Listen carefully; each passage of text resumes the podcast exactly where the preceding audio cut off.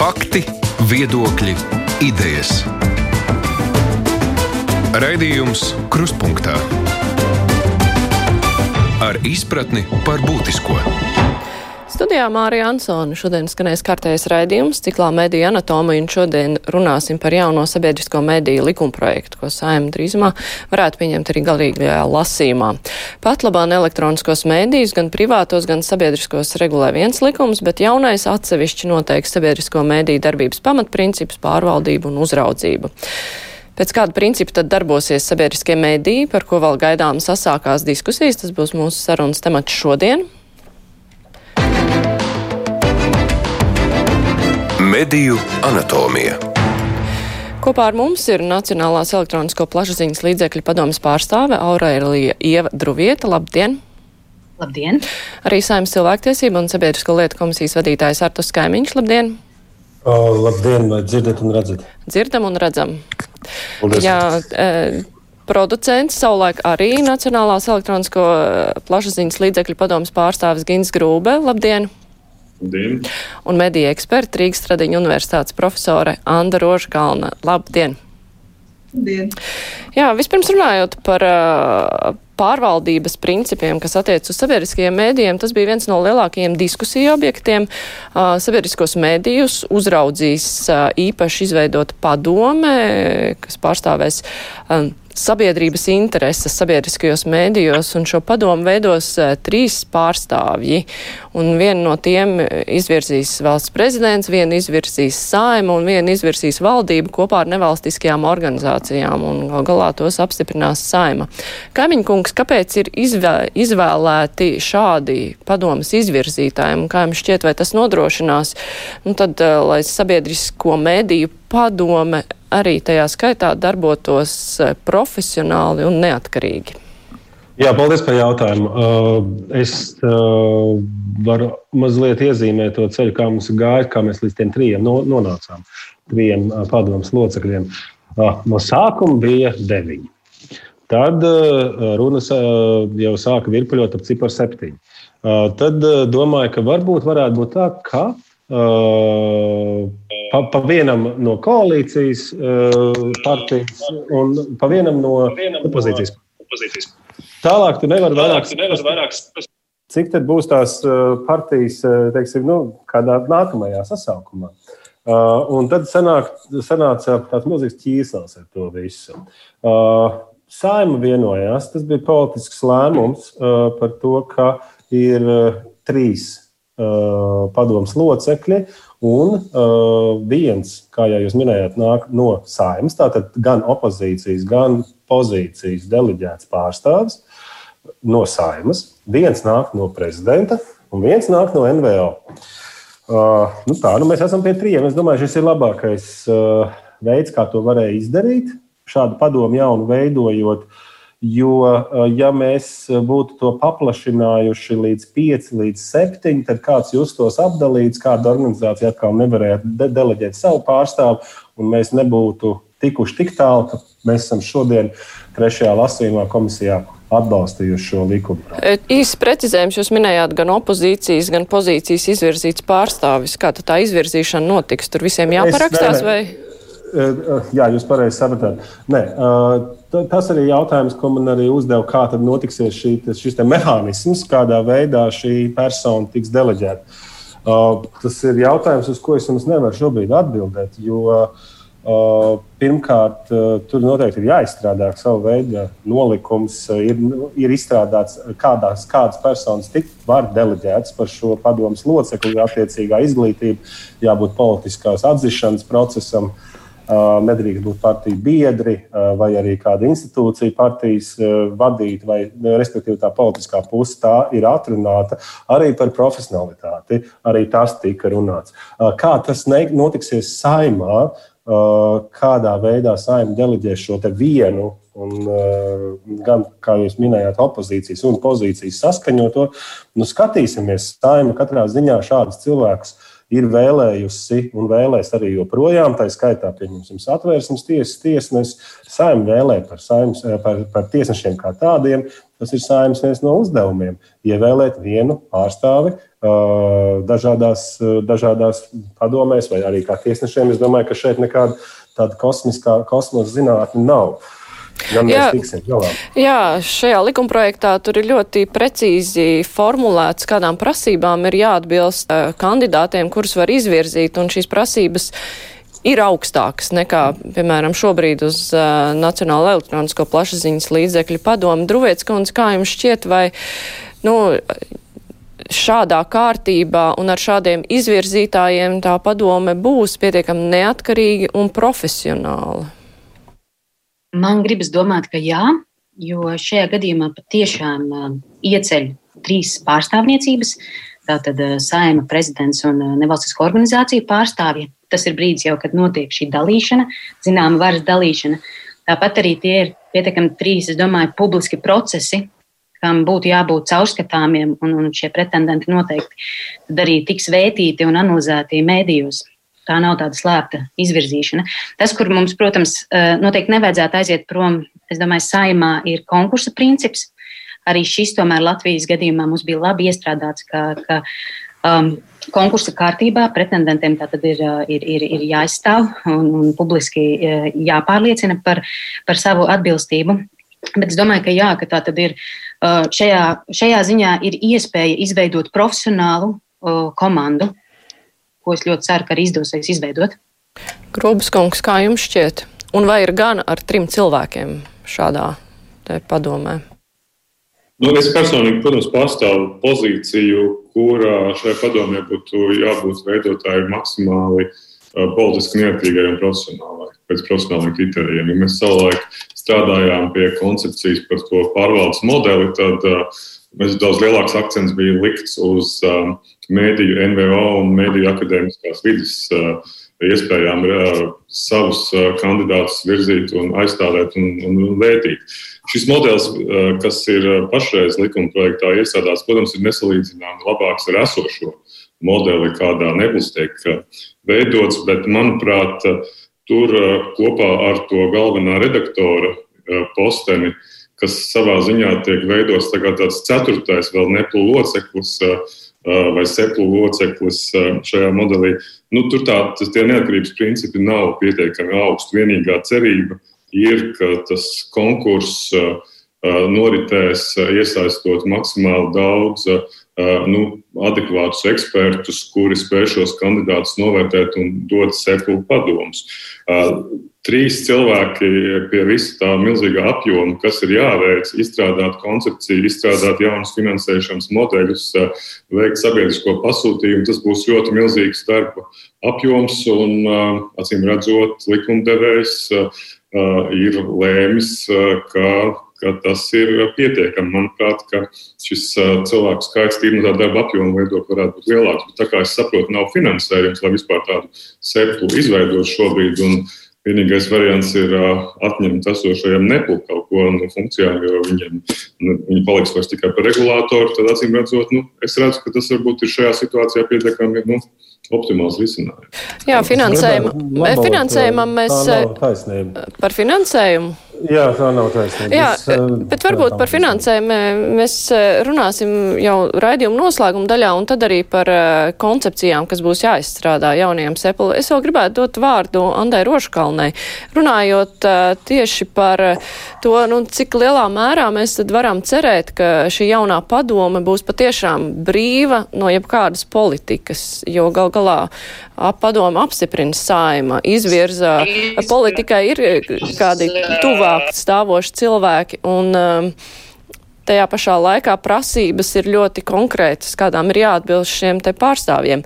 Uh, Anta, kā tev šķiet, vai mēs varam gaidīt, ka šī padoma būs patiešām politiski neitrāla un ļoti profesionāla?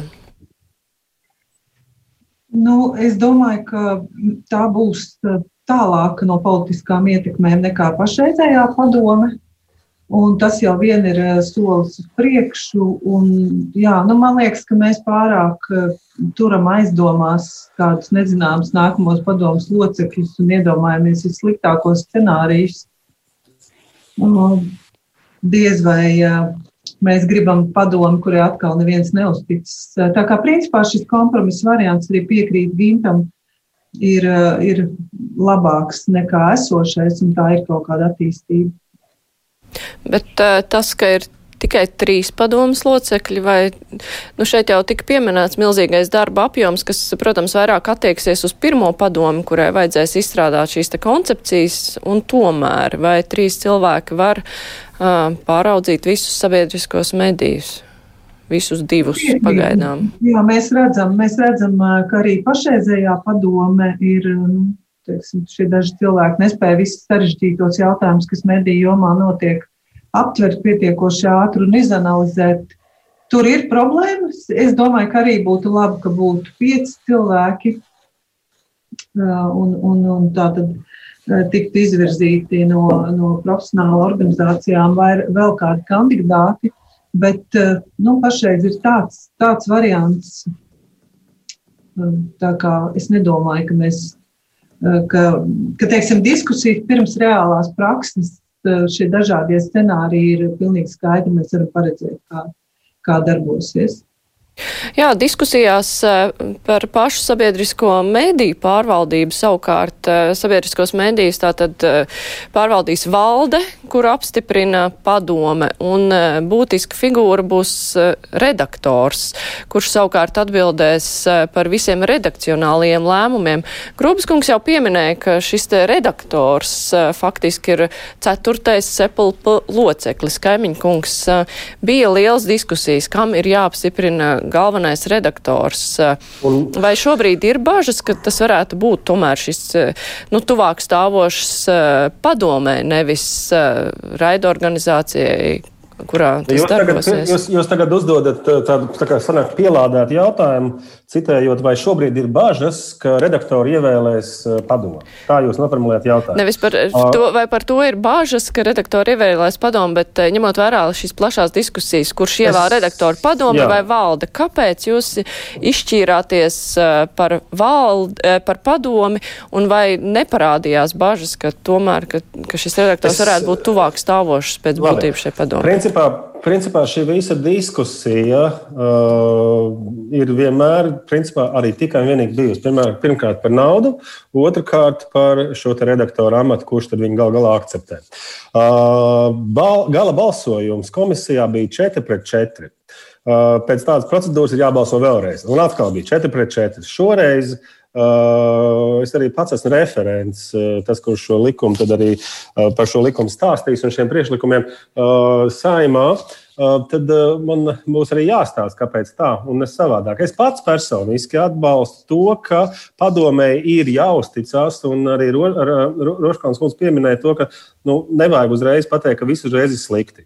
Dāmas un kungi, cienījamie klausītāji, šis likums nu, 20 gadus jau Latvijai bija vajadzīgs. 20. Tagad, kad mēs esam nonākuši nu, jau pilnīgā sprinta finišā, tad, tad nu, ir pilnīgi kaut kā nepieņemami klausīties par to, ka ir vai nu trīs padomas locekļi, pieci vai varbūt ir slikti vai tā. Problēma ir par to, ka ir divas absolūti polaritātes pretēji ieņem, ieņemtas nometnes. Viena ir par to, ka valdei ir jāapstiprina redaktors, otra ir par to, ka valde izvirza šo redaktoru un padome to akceptē. Tā tad, eh, eh, manuprāt, ir jāuzticas eh, padomēji. Manuprāt, ir jābūt tā, ka šis redaktors arī pārauga šīs vadlīnijas, kuras šīs trīs cilvēku sastāvā padome ir uzrakstījusi. Tās viņš pārauga ar administrējošo funkciju, kas ir valde šajā gadījumā, kuras uzdevums ir principā administratīvas funkcija. Zem valdes ir citas redakcijas, citiem kanāliem un tā tālāk. Bet šis galvenais redaktors pārvalda šo te dabā. Tas iztītos tā, ka uh, ir vadlīnijas, ko padome ir uh, uzrakstījusi, kuras būtu jārealizē sabiedriskajā mēdījā. Tad redaktors šīs vadlīnijas uzspasē, tā varētu teikt. Viņš skatās, vai viņas tiek ievērotas. Bet viņš nevis skatās no malas vai no kaut kāda aizstūra, bet viņš skatās kopā ar valdi. Tad viņš ar valdi aiziet pie apaļā galda, apsēžās un saka, ka šeit ir šādas vadlīnijas. Mums vajadzētu runāt par šo, par šo, par šo. Valde atver vaļā savu uh, maciņu un skatās, cik tad valdē ir vispār naudas, lai to var realizēt. Un šādā veidā arī vēl padomu piedalās pie šī apaļā galda un tiek realizēts šis sabiedriskais pasūtījums. Tādā veidā mēs pirmkārt, A, mēs leģitimizējam, mums ir jāuzticas, kas ir vēl Latvijas Republikā augstāka tautas vēlēta institūcija, kā saima vai prezidents vai šajā gadījumā arī NVO sektors, kas ir zem ministra kabineta konkrēti uh, arī reģistrēts. Šajā, šiem cilvēkiem ir jādod iespēja arī dot savu vārdu. Un otrā lieta, ja šis redaktors tiek slikti pilda savu funkciju, slikti pilda savu darbu, viņš ir tas, kuru pirmo atlaiž. Viņš nebūs, viņš ir tas, kuram, kuru pirmo atlaiž. Uh, un nevar būt tāda šķēra, ko es esmu dzirdējis, ka uh, valde jau neko nevarēs izdarīt. Redaktors atnāks un pateiks, ka jābūt tā, jo redaktors dod atbildību tikai un vienīgi pret padomu, un viņam nav nekāda atbildība pret valdi. Nē, tā nav. Redaktoram, redaktors nes atbildību, tā skaitā arī par valdes šiem te, uh, nu, uh, teiksim, nu, administratīvās funkcijas, teiksim, kaut kāda veida nepildīšanā. Tas ir kopistisks process. Mēs viņus uh, saliekam uh, tā kā, tā kā, tā kā, tā kā tādā bizē kopā. Padome, redaktors, valdes. Nu, skaidrs, Roškāns kundze, vai kaimiņkungs pareizi noraksturoja redaktora būtību un lomu šajā te visā lielajā mašīnā? Vai īsti tā kā, man, es te neredzu tādu Eh, nu, tādu vienkāršu dihotomiju, pareizi vai nepareizi. Nu, viņš izklāstīja šo savu redzējumu, kas ir īstenībā ļoti interesants, bet man tas šķiet ārkārtīgi sarežģīti, jo vienlaikus iznāk, ka redaktors ir, ir eh, tātad padomas apstiprināts un vienlaikus viņš ir tā kā vēl priekšnieks tai valdei, bet reāli pēc likuma jau valde ir primāri atbildīga par to, kā darbojas sabiedriskais medijs vai apvienots, vai kā nu tur tas būs. Un eh, redaktoram, kas ir svarīgi saprast, ka redaktoram, protams, viņš piedalās vadlīniju izstrādē, bet redaktors ir tas, kas atbild par saturu. Mums ir jāuztraucas, vai šo cilvēku nevar no ārpuses locīt, vai viņam ir pietiekoša brīvība, piemēram, izlemt, vai sabiedriskie mēdīji nākamo pusgadu veltīs maksātnespējas eh, problēmu analizēšanai vai, vai, piemēram, cīnīsies par to, lai homeopātija tiktu, eh, nu, teiksim, atzīta par nezinātnisku metodi, kur ir, nu, teiksim, te, sarežģīti jautājumi, kur ir daudz lobby, kur viņš var brīvi un neatkarīgi, teiksim, strādāt ar kolēģiem pie šī satura. Un uh, tīri tādā uzņēmumu iekšienē es redzu milzīgas problēmas, ja, ja ir, ir kaut kāda tāda dubulta vadība. Jo, ja padomu ir izvēlēsies valdi, būtu jauki, ka valde.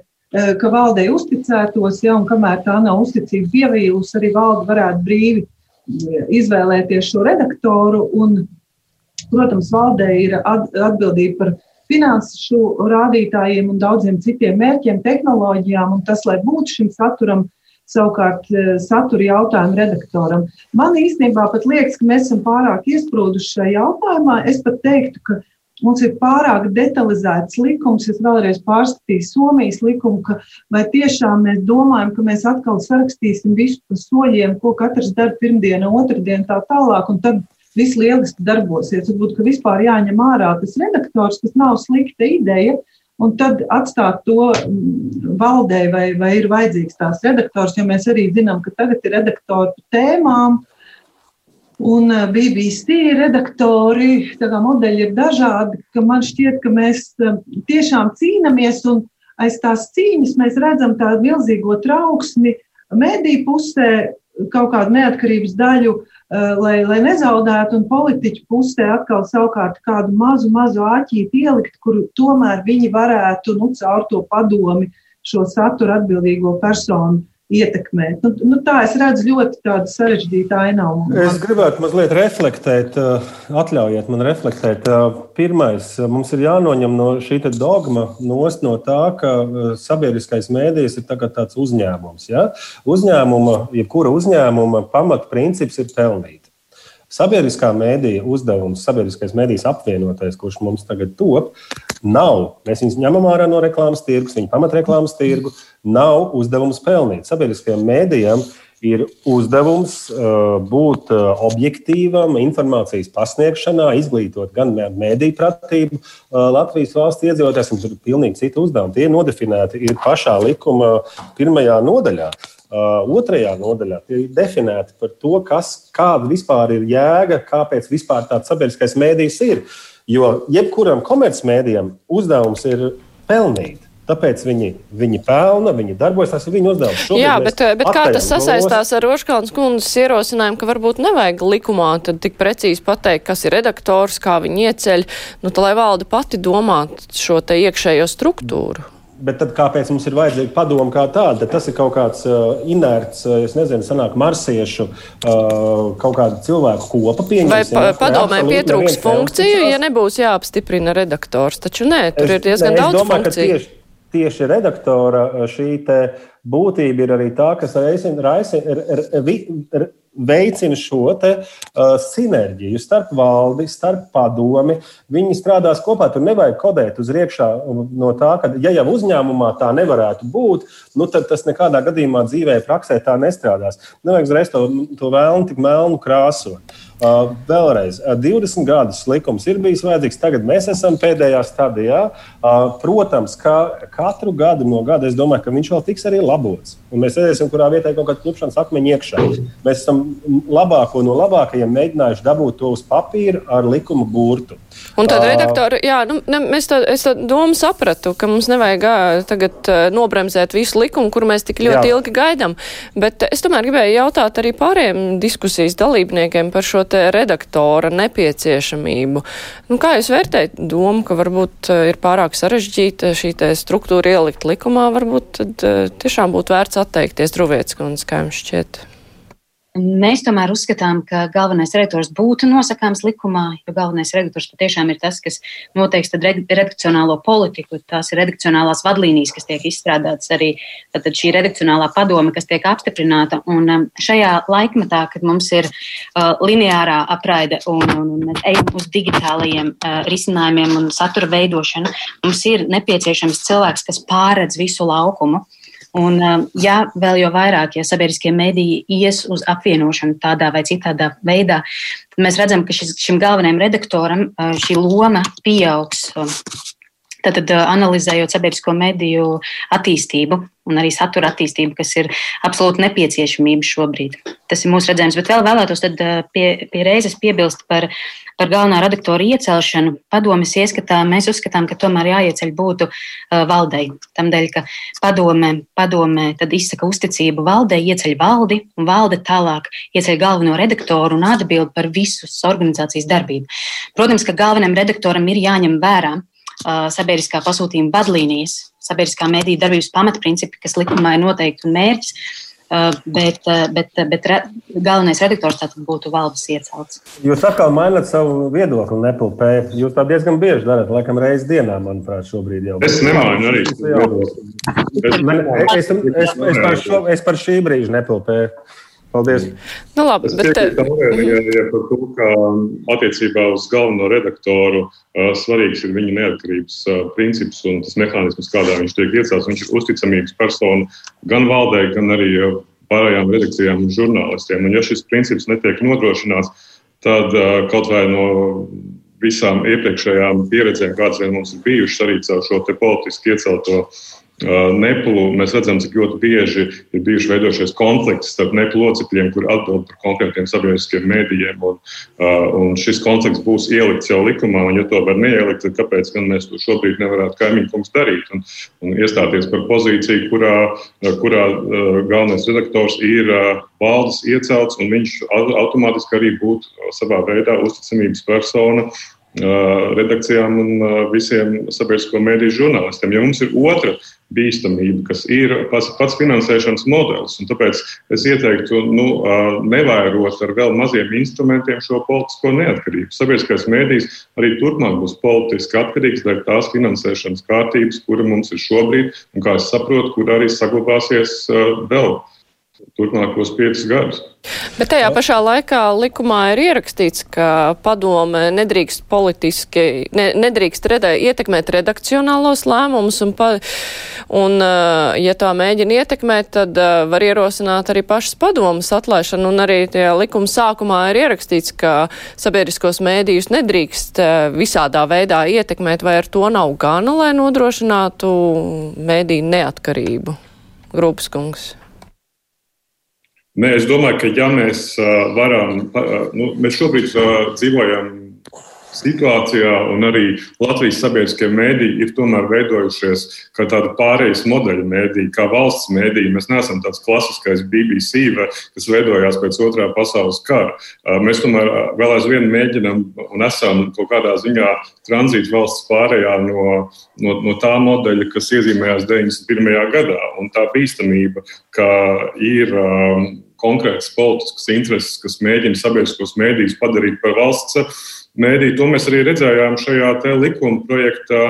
Nu, izstrādes procesā un diskusijās, kādas bija atsevišķu politiķu intereses, ko viņi vēlējās šajā likumā panākt. Un tās pamatā bija virzītas, lai mazinātu šo uh, redakcionālo neatkarību, sabiedriskā pasūtījuma izstrādes principus vai pārvaldes principus. Tāpēc šī bīstamība ir ļoti reāla. Tā ir konkrēti piemēri Austrum Eiropā un mūsu reģionā, un mēs nevaram tos neņemt vērā. Un, ja likumdevējs ir tik ļoti strauji šobrīd virzījies, ka ir gatavs šo likumu pieņemt, tad, manuprāt, būtu nu, šie riski jāmazina, un, un es redzu šo gribu un vēlmi darīt. Bet kādā veidā jūs, Grūbs kungs, sakat, tad, kad jūs bijāt Netlu loceklis, viens no locekļiem, nu, jūs tagad sakat straujā veidā, vai tad, tad kad jūs jau strādājāt Netlu, šis likums nu, nebija darba kārtībā. Viņš bija atvilknē nogrūsts, būsim godīgi. Tagad, kad nu. mēs esam uh, gala, gala nu jau finiša taisnē, uh, šajā gadījumā es redzu, dzirdu uh, tādu pilnīgu neusticēšanos padomē. Mēs pat nezinām, par kādiem kandidātiem ir runa. Kas tie būs par cilvēkiem? Viņi automātā jau tiek padarīti par nelojāliem Latvijas sabiedrībai un valdei sabiedriskajos mēdījos. Nu, tas arī nav pareizi, tas arī nav normāli. Es uzskatu, ka valdei ir jāuzticas padomē, padomē ir jāuzticas valdei. Valde izvirza vēlreiz šo redaktoru, padomu akceptē. Ja nestrādā šis mehānisms, redaktors tiek izmests no darba. Ja padome nepilda savas funkcijas, ombuds viņus izmet no darba. Kaimiņkungs jau pieminēja vēl šo te papildus figūru, kas parādās uh, sabiedriskajos mēdījos, ombuds, uh, kuru arī ieceļ padome. Um, tajā pašā laikā ombudam ir arī diezgan lielas, uh, nu, tā kā tiesības, cik var noprast no likuma, likuma projekta, ja kāds ir sūdzējies par sabiedrisko mediju darbu, ka tas nepilna savus pienākumus, tad ombuds to izvērtē un var pateikt sabiedriskajiem mēdījiem, kādu labojumu ir jāveic, un sabiedriskais mēdījis tikai pēc īpaša paskaidrojuma to var nedarīt. Un, principā, visi šie te ombudu ieteikumi ir jāpilda. Vai šī figūra, kā šī figūra um, nu, līdzsvaro uh, šī te sabiedriskā mēdīja neatkarību un uh, šo te dažādo uh, pāraudzības uh, dalībnieku nu, savstarpējo sadarbību? Teikumos. Uh, tātad pareizi jūs teicāt, padome ombudu apstiprina, bet to virza Un te mēs daudz un ilgi runājam arī komisijā. To virza sabiedriskā mēdīja ētikas komisijas, jo viņas ir vairākas. Latvijas rādio ir sava ētika, ētikas komisija, Latvijas televīzija ir sava, un, un, un tā, viņi tiek apstiprināti, no turienes nāk šis ombuds. Viņš nenāk no gaisa nokritis, to virza pati sabiedrisko mēdīju principā darbinieki. Saprotiet? Un valde to apstiprina, padomu to apstiprina. Tā ir tā leģitimitāte, tā ir tā drošība, ka netiek iecelts kaut kāds, eh, eh, es nezinu, pilnīgi nezināms cilvēks eh, pašiem, pašiem televīzijas un rādio darbiniekiem, vispār nezinot šādu personu. Roškalns kundze, ombuds ir tas līdzsvarojošais elements. Līdzsvarojošais starp padomu un mediju Nu, pašlaik tā neizskatās patiesībā sākotnēji un vienīgais nu, tāds pēc manām domām jēga šim amatam būtu tāda, kā tā bija sākotnēji domāta, ka ombuds ir tā institūcija, kas veido saikni ar sabiedrību, dažādām sabiedrības grupām, un tā tad rūpējas par profesionālu ētiku. Tas neizslēdz ne, ne provokatīvu saturu, ne tādu, kas varbūt kādam nepatīk. Ja, ja ombuds ir, respektīvi, tāda pēdējā pieredze, vismaz man strādājot gan Latvijas žurnālistu asociācijas ētikas komisijā, gan Latvijas mēdīja ētikas padomē vēlāk, rāda tādu tendenci, ka, ja kāds grib ietekmēt mediju saturu, tad, teiksim, šie ietekmīgie cilvēki, kuriem ir gan labi apmaksāti advokāti, kas raksta daudz sūdzības, ļoti labi māk izmantot šīs institūcijas, un ka, teiksim, resursi tiek iztērēti tāpēc, ka kādam ir nu, teiksim, iebildumi pret noteiktām tēmām vai noteiktu žurnālistu darbu, un par to nāk sūdzība pēc sūdzības. Vai pamatot vai nepamatot, un uh, samazinās tā iespēja reāli ieraudzīt dažādas sabiedrības jautājumus un uh, diskutēt ar mediju, uh, teiksim, par to proporcionālu atspoguļojumu, vai, ja ir kādas idejas, lai tās parādītos un būtu pamatīgi izskatītas. Tā kā, jā, nu, es gari atbildu, tāpēc, ka tas ir sarežģīts jautājums, bet principā es domāju, ka šāda institūcija ir vajadzīga, bet atkal piešķirt tam tādu, tādu lomu, ka tagad būs viens, kas noteiks, kurā brīdī kas ir jādara sabiedriskajam medijam, ir diezgan bīstami ka profesionālā ētika ir daudz sarežģītāka, sarežģītāka nekā tāds eh, vienkāršots kaut kāds process, kurš, kur, kuram raksta vēstuli. Ja. Nu šobrīd tā situācija ir Roškons, kundze, es, es noķēru to notu, ko jūs teicāt, un manuprāt, un tāpēc es saku, manuprāt, viens no lielākajiem rakstītājiem ir Aivars Lembergs kas regulāri rakstīs uz rādio, uz Latvijas sabiedrisko rādio, uz uz, uz, uz Latvijas sabiedrisko televīziju, šīs kļauzas, manuprāt, vai ne par to, kādā veidā šim cilvēkam tiek ierobežots vai aprunāts, vai tam līdzīgi. Ļoti spilgts piemērs. Tas patiešām maksā naudu advokātiem to visu izpildīt. Un šādā veidā, kas tad atbild par to? Šobrīd atbild, teiksim, attiecīgā kanāla ētikas padome. Tātad vai no LTV vai no Latvijas rādio. Uh, protams, ka var no, nu, uzmest tam ombud, ombudam virsū vienkārši nenormālākās birokrātiskās vēstules, eh, juridiski pareizi noformētas, ka uh, tādi varbūt Aivāri Lembergi pieņemsim, varētu būt, uh, nu, pieņemsim, es nezinu, 20. Ja? Nu, tad tas ombudsmens netiktu pieņemsim ar to visu gal, galā. Bet tas atkal ir uh, trakākais no tā, kā būtu. Tas, kam mēs šeit visi, es domāju, studijā piekrītam, uh, ir tam, ka ombudam ir jābūt.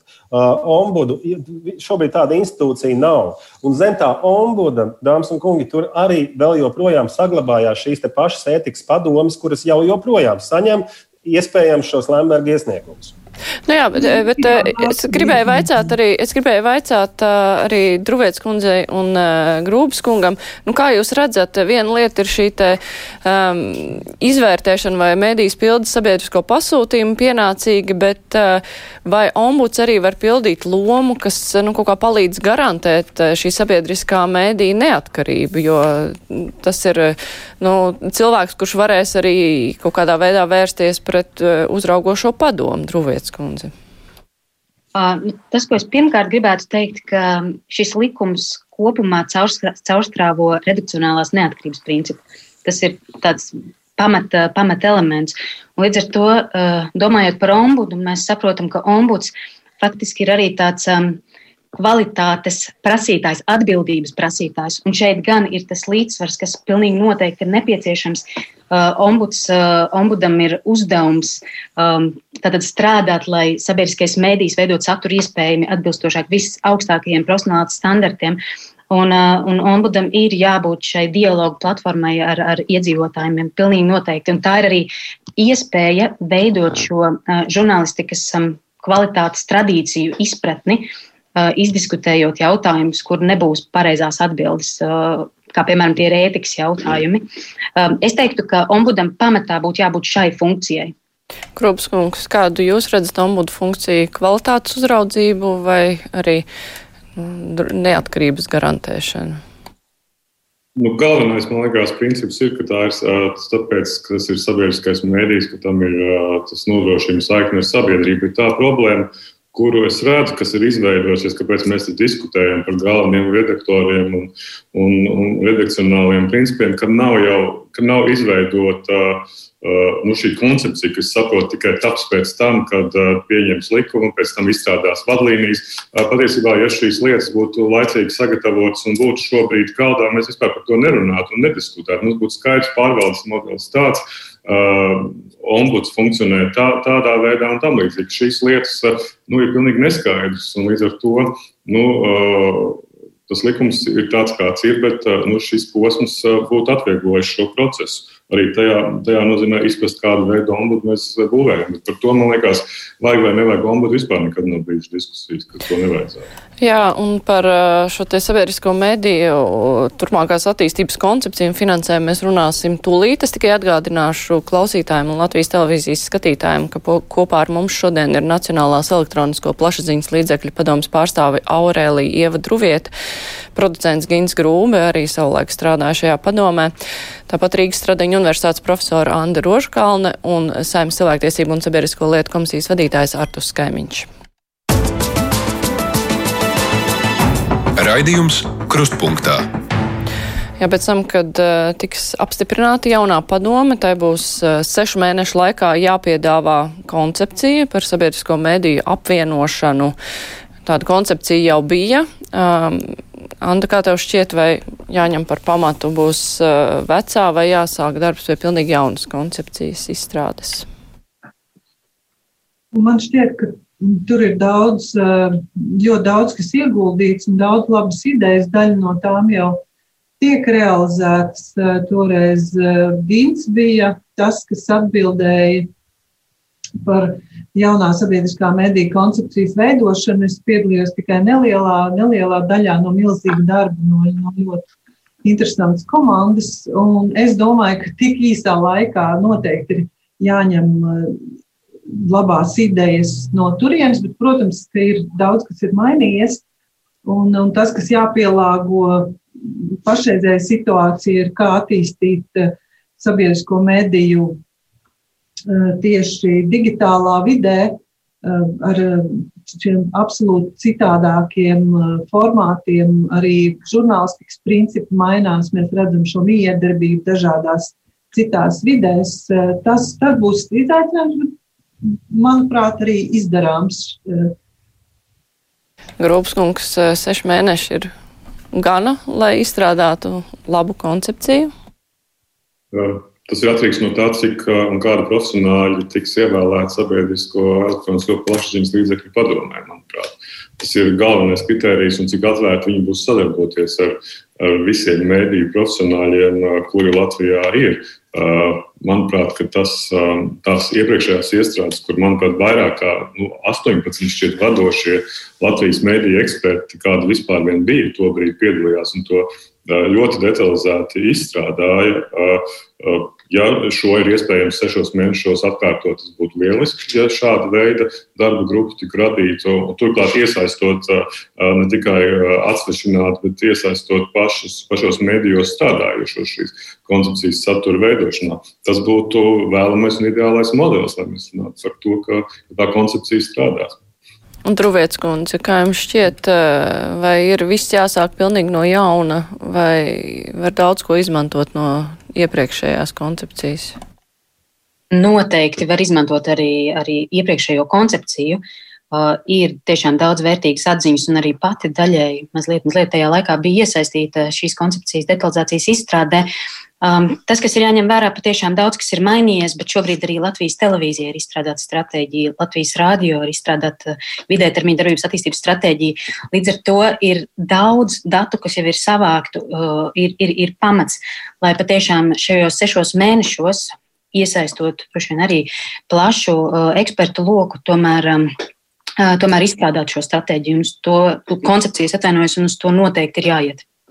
Mēs esam telefoniski šobrīd sazvanījuši saimnes mēdīju apakškomisijas vadītāju Vitānu Tēraudu. Labdien, Tērauds kundze! Labdien! Jā, mēs te runājam par to, ka jaunajai sabiedrisko mēdīju padomē būs jāizstrādā koncepcija par sabiedrisko mēdīju apvienošanu, bet Nu, tur apakšā noteikti būs arī jautājums par naudu, jo arī šai padomē būs jāpiedāvā finansējuma modelis, lai piecu gadu laikā nonāk līdz Eiropas Savienības vidējam finansējumam. Vismaz tā ir paredzēts šajā jaunajā projektā. Bet kādu jūs, piemēram, redzētu šo finansējuma modeli? Nu, kā darboties uh, sabiedriskiem mēdījiem, lai tiktu nodrošināta šī neatkarība, jo uh, procents no IKP nu, tas netika. Uh, pieņemts un akceptēts, bet nu, kā vēl varētu, kāds, kādu vēl modeli varētu ieviest, lai nodrošinātu šo neatkarību, lai nebūtu gadu no gada jāapstiprina jauns budžets? Manuprāt, lai sagatavotu šādu koncepciju, ir jāskatās, kādus modeļus šobrīd izmanto Eiropas valstis. Un šeit ir princips neatkarīgs, atbilstošs un prognozējams. Manuprāt, ir vislabāk mums skatīties šobrīd, kā Ziemeļvalstīs ir pēdējo desmitgadē, kā viņi visi ir nomainījuši abonentmaksas pret citu sistēmu. Un tās sistēmas ir dažādas, ko viņi ir izmantojuši ar dažādām niansēm, bet viņas uh, balstās uh, nodokļu nodevu jomā. Tas nozīmē ieviest jaunu nodokli sabiedriskajiem mēdījiem. Tur ir jāskatās tie dažādie modeļi. Tieši šis ir tas, kas ir jāizvērtē. Tas ir modelis, uz kurieni daudz viet Eiropā sabiedriskie mēdī ir aizgājuši, kā vēlamāko modeli, būtībā ejot prom no tā, kas agrāk Latvijā tika diskutēts, bet nekad nepieņemts abonentu maksas sistēmas. Bet uh, palikt pie, pie pašreizējās kārtības, kad uh, vienkārši tiek nu, piešķirta nauda, un tad uh, laika gaitā nonāk, nu, budžetā paredz naudu, un tad vienkārši laika gaitā pateikt, ka jā, nu, mums ir mēdiem vajadzīgs tik, un, un tad paļaujamies uz to, ka saima piešķir, ka tādu kārtību saglabāt nevar. Kārtība, kādu mēs viņu izpildam šodien, nenodrošina neatkarību, atbilstošu finansējumu un nenodrošina prognozējumību. Ja mēs varam atrast veidu, kā uzlabot šo budžeta piešķīruma modeli, kas nodrošina neatkarību, atbilstošumu un prognozējumību, uh, to var skatīt. Tas varētu būt viens no koncepcijas aplūkojumiem jautājumiem, kā esošās sistēmas ietvaros tikt pie šiem principiem. Jo šobrīd palikt kā ir, uh, tas nenodrošina to, kas ir vajadzīgs sabiedriskiem mēdījiem. Jā, jā, paldies. Tā bija Vita Antērauda, sabiedris mēdīju apakškomisijas vadītāja saimas. Kaimiņkungs, jūs gribējāt papildināt? Jā, es gribēju gan. Uh, ir, tas, tā ir tas jau diskusijas sākumā. Es teicu, ka ir divi šie vaļi, par ko vienmēr ir runāts. Tātad viens ir naudas jautājums, otrs ir redaktora jautājums. Ja? Uh, tagad mēs par to naudu runājot uh, vēlreiz, lai zinātu, mums ir viens no visnabadzīgākajiem sabiedriskajiem mēdījiem Eiropā. To mēs zinām. Tātad, uh, lai šī nauda būtu vairāk, uh, es neredzu iespēju pārdot Latvijas uh, uh, nodokļu maksātājiem ideju par abonentu maksu. Es domāju, ka tas vienkārši nestrādā. Uh, par uh, kādu veidu jaunu nodokli. Šobrīd mums ir tādas hibrīda kara patiesībā ies, nu, mēs esam tādā, tādā, tādā stāvoklī, ka jūs ļoti labi zināt, tie, kas zina šos datus, ka nav Latvijas televīzija Latvijā skatītākā televīzija pēc datiem. Arī TV3 nav skatītākā televīzija Latvijā. Tā ir pilnīgi cita televīzija, kas raida uh, Krievu valodā. Mums šobrīd ir jānotur skatītājs sabiedriskajā mēdījā, uh, a priori kā galvenais uzdevums. To var izdarīt ar satura daudzveidību. Un saturs tā ir vienlīdzības zīme nauda. Uh, šobrīd mēs esam ielikuši to, ka no gada uz gadu bet ar vektoru par to, ka ir jābūt šim prognozējamam uh, naudas, uh, uh, naudas plūsmai, prognozējumībai. Kā jau izskanēja šis procents no IKP, vai kā savādāk, uh, to mēs redzēsim nu, nākamgad, aiznākamgad, bet uh, katrā ziņā budžets nebūs mazāks kā iepriekšējā gadā piešķirtais. Uh, tās ir sāpīgs jautājums. Uh, tas ir aktuāls jautājums nu jau 30 gadus, ja, ja šis likums ir 20 gadus.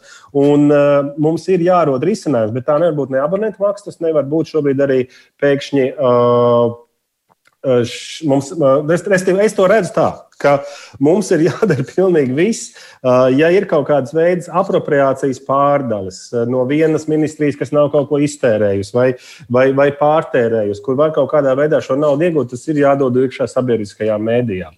Bet mums arī jārunā par to, ka mēs runājam par vienu apvienoto sabiedriskā mēdīja ēku. Tas gan nav šodienas darba kārtības jautājums, kā es saprotu, bet es domāju, šajā raidījumā. Bet tas arī risina virkni problēmas, kas šobrīd burtiski apēd sabiedriskā mēdīja paredzēto naudu, jo šīs mājas ir diezgan katastrofālā stāvoklī un funkcionāli nepiemērotas attiecīgai mediju vidē šobrīd, kāda tā ir mūsdienās. Uh, tas jau ir nākamais uh, jautājums. Bet, Lūd. bet runājot par uh, šo te principu, jo, jo tas, nu, ko min, minēja Tēraudas kundze, ka ir nepieciešams uzlabot budžeta piešķīrumu modeli. Nu, no vienas puses, tas arī, es domāju, daudziem klausītājiem vispār neko neizsaka uzlabot budžeta piešķīrumu modeli, jo, nu, šobrīd jau budžetā tiek paredzēta nauda, kas nedrīkst būt mazāka par iepriekšējo, bet, nu, tā jau arī nav pietiekoša garantija šim mēdījam tāpat ir, lai jebko darītu, ir gadu no gada jāprasa jauna nauda, un tagad eh, mēs redzam, ka un... nav pat arī sepul eh, nauda vēl pagaidām konkrēti iezīmēta budžetā, lai gan ir solīts, ka būs jau būs, Jā. bet konkrēti iezīmēta nav. Bet, eh, bet es veicāšu arī citiem sarunas dalībniekiem, grupas, un kā, gru, kā jums šķiet, vai nu, kāds varētu būt šis te modelis, kā sabiedriskie mēdīji, tad tie, kā viņiem tiek garantēts, ka viņiem būs nauda nepieciešamā. Un tas nebūs atkarīgs no tā, ir politiskā griba teikt konkrētajā gadā vai nav. Man šķiet, ka eh, kaimiņu kungs neļaus samelot, ka tā bija viena no diskusijām šī likuma projekta sakarā, kad tika iztirzāts priekšlikums uh, par to, kā nodrošināt šo līdz, līdzvērtīgo Eiropas vidējo finansējumu modeli. Ka, ka tika arī izstrādāts priekšlikums, ka, ka šo iestādāt likumā, ka tas tiek nodrošināts uh, N gadu, vai 4 vai 5 gadu laikā, ka mēs sasniedzam šo Eiropas vidējo modeli sabiedriskos mēdījos uh, finansējumu nodrošinājumu ziņā. Un pret to bija diezgan konkrēti iebildumi atsevišķiem deputātiem ar jautājumu, kā jūs to garantēsiet. Bet tas un ir tāpēc, tas, man, ka tu nezini, kādā veidā tu varēsi to naudu dabūt. Tāpēc, Jā, kā jūs to naudu dabūsiet? Tas, tas man, man likās vissimptomātiskākais nu, tajā, cik liela ir tā politiskā griba uh, nodrošināt sabiedrisko mēdīju ar pietiekamu finansējumu, lai viņš ne tikai iziet no reklāmas tirgus, bet arī attīstītos uh, tajā virzienā, kurā sabiedriskie un vispār mēdīju vide attīstās. Un tas, manuprāt, šobrīd nav ielikts šajā likumā, ir tikai ielikta, uh, ielikta šī ideja par to, ka jāizstrādā modelis par finansējumu. Un tā ir tā nu, lielākā, lielākā bīstamība. Man liekas, ka mm, es piekrītu kaimiņu kungam, ka jo lielāks un garantētāks finansējums, jo labāks saturs, saturs vairo uzticību. Uh, skatītāju, klausītāju vai lasītāju vidē. Un, tas, un tajā brīdī mēs varam arī runāt par uh, mēdīju nodokļu ieviešanu, uh, kā tas ir Somijā, jo skatītājiem, un klausītājiem un lasītājiem būs izprotams, ka tas ir saturs, kas viņiem ir ļoti vajadzīgs. Šobrīd tā situācija saimā ir tāda, ka katru gadu patiešām nepilnēja tie, kas nāk un lūdz šo papildu naudu. Uh, un tad reiz, vismaz trīs reizes gadā, Uh, mēs no līdzekļiem neparedzētiem gadījumiem vēlreiz piešķiram kādai no ēkām. Pieņemsim, tagad ir atnācis viens miljons no Latvijas no Zaķisāles par to, ka viņiem tuņās beigsies elektrība, jo vienkārši tur ir 40 gadīgu vecu iekārtu stāvu, kas ir galvenais elektromezgls, uh, kaut kur zemē, pagrabā ierats. Respektīvi, un, un šādām lietām arī uh, aiziet arī nu, tur, kur tam nevajadzētu iet. Šajā gadījumā vienkārši tas, es to redzu kā sietu ar ļoti daudziem caurumiem, kur tā nauda vienkārši aiztek.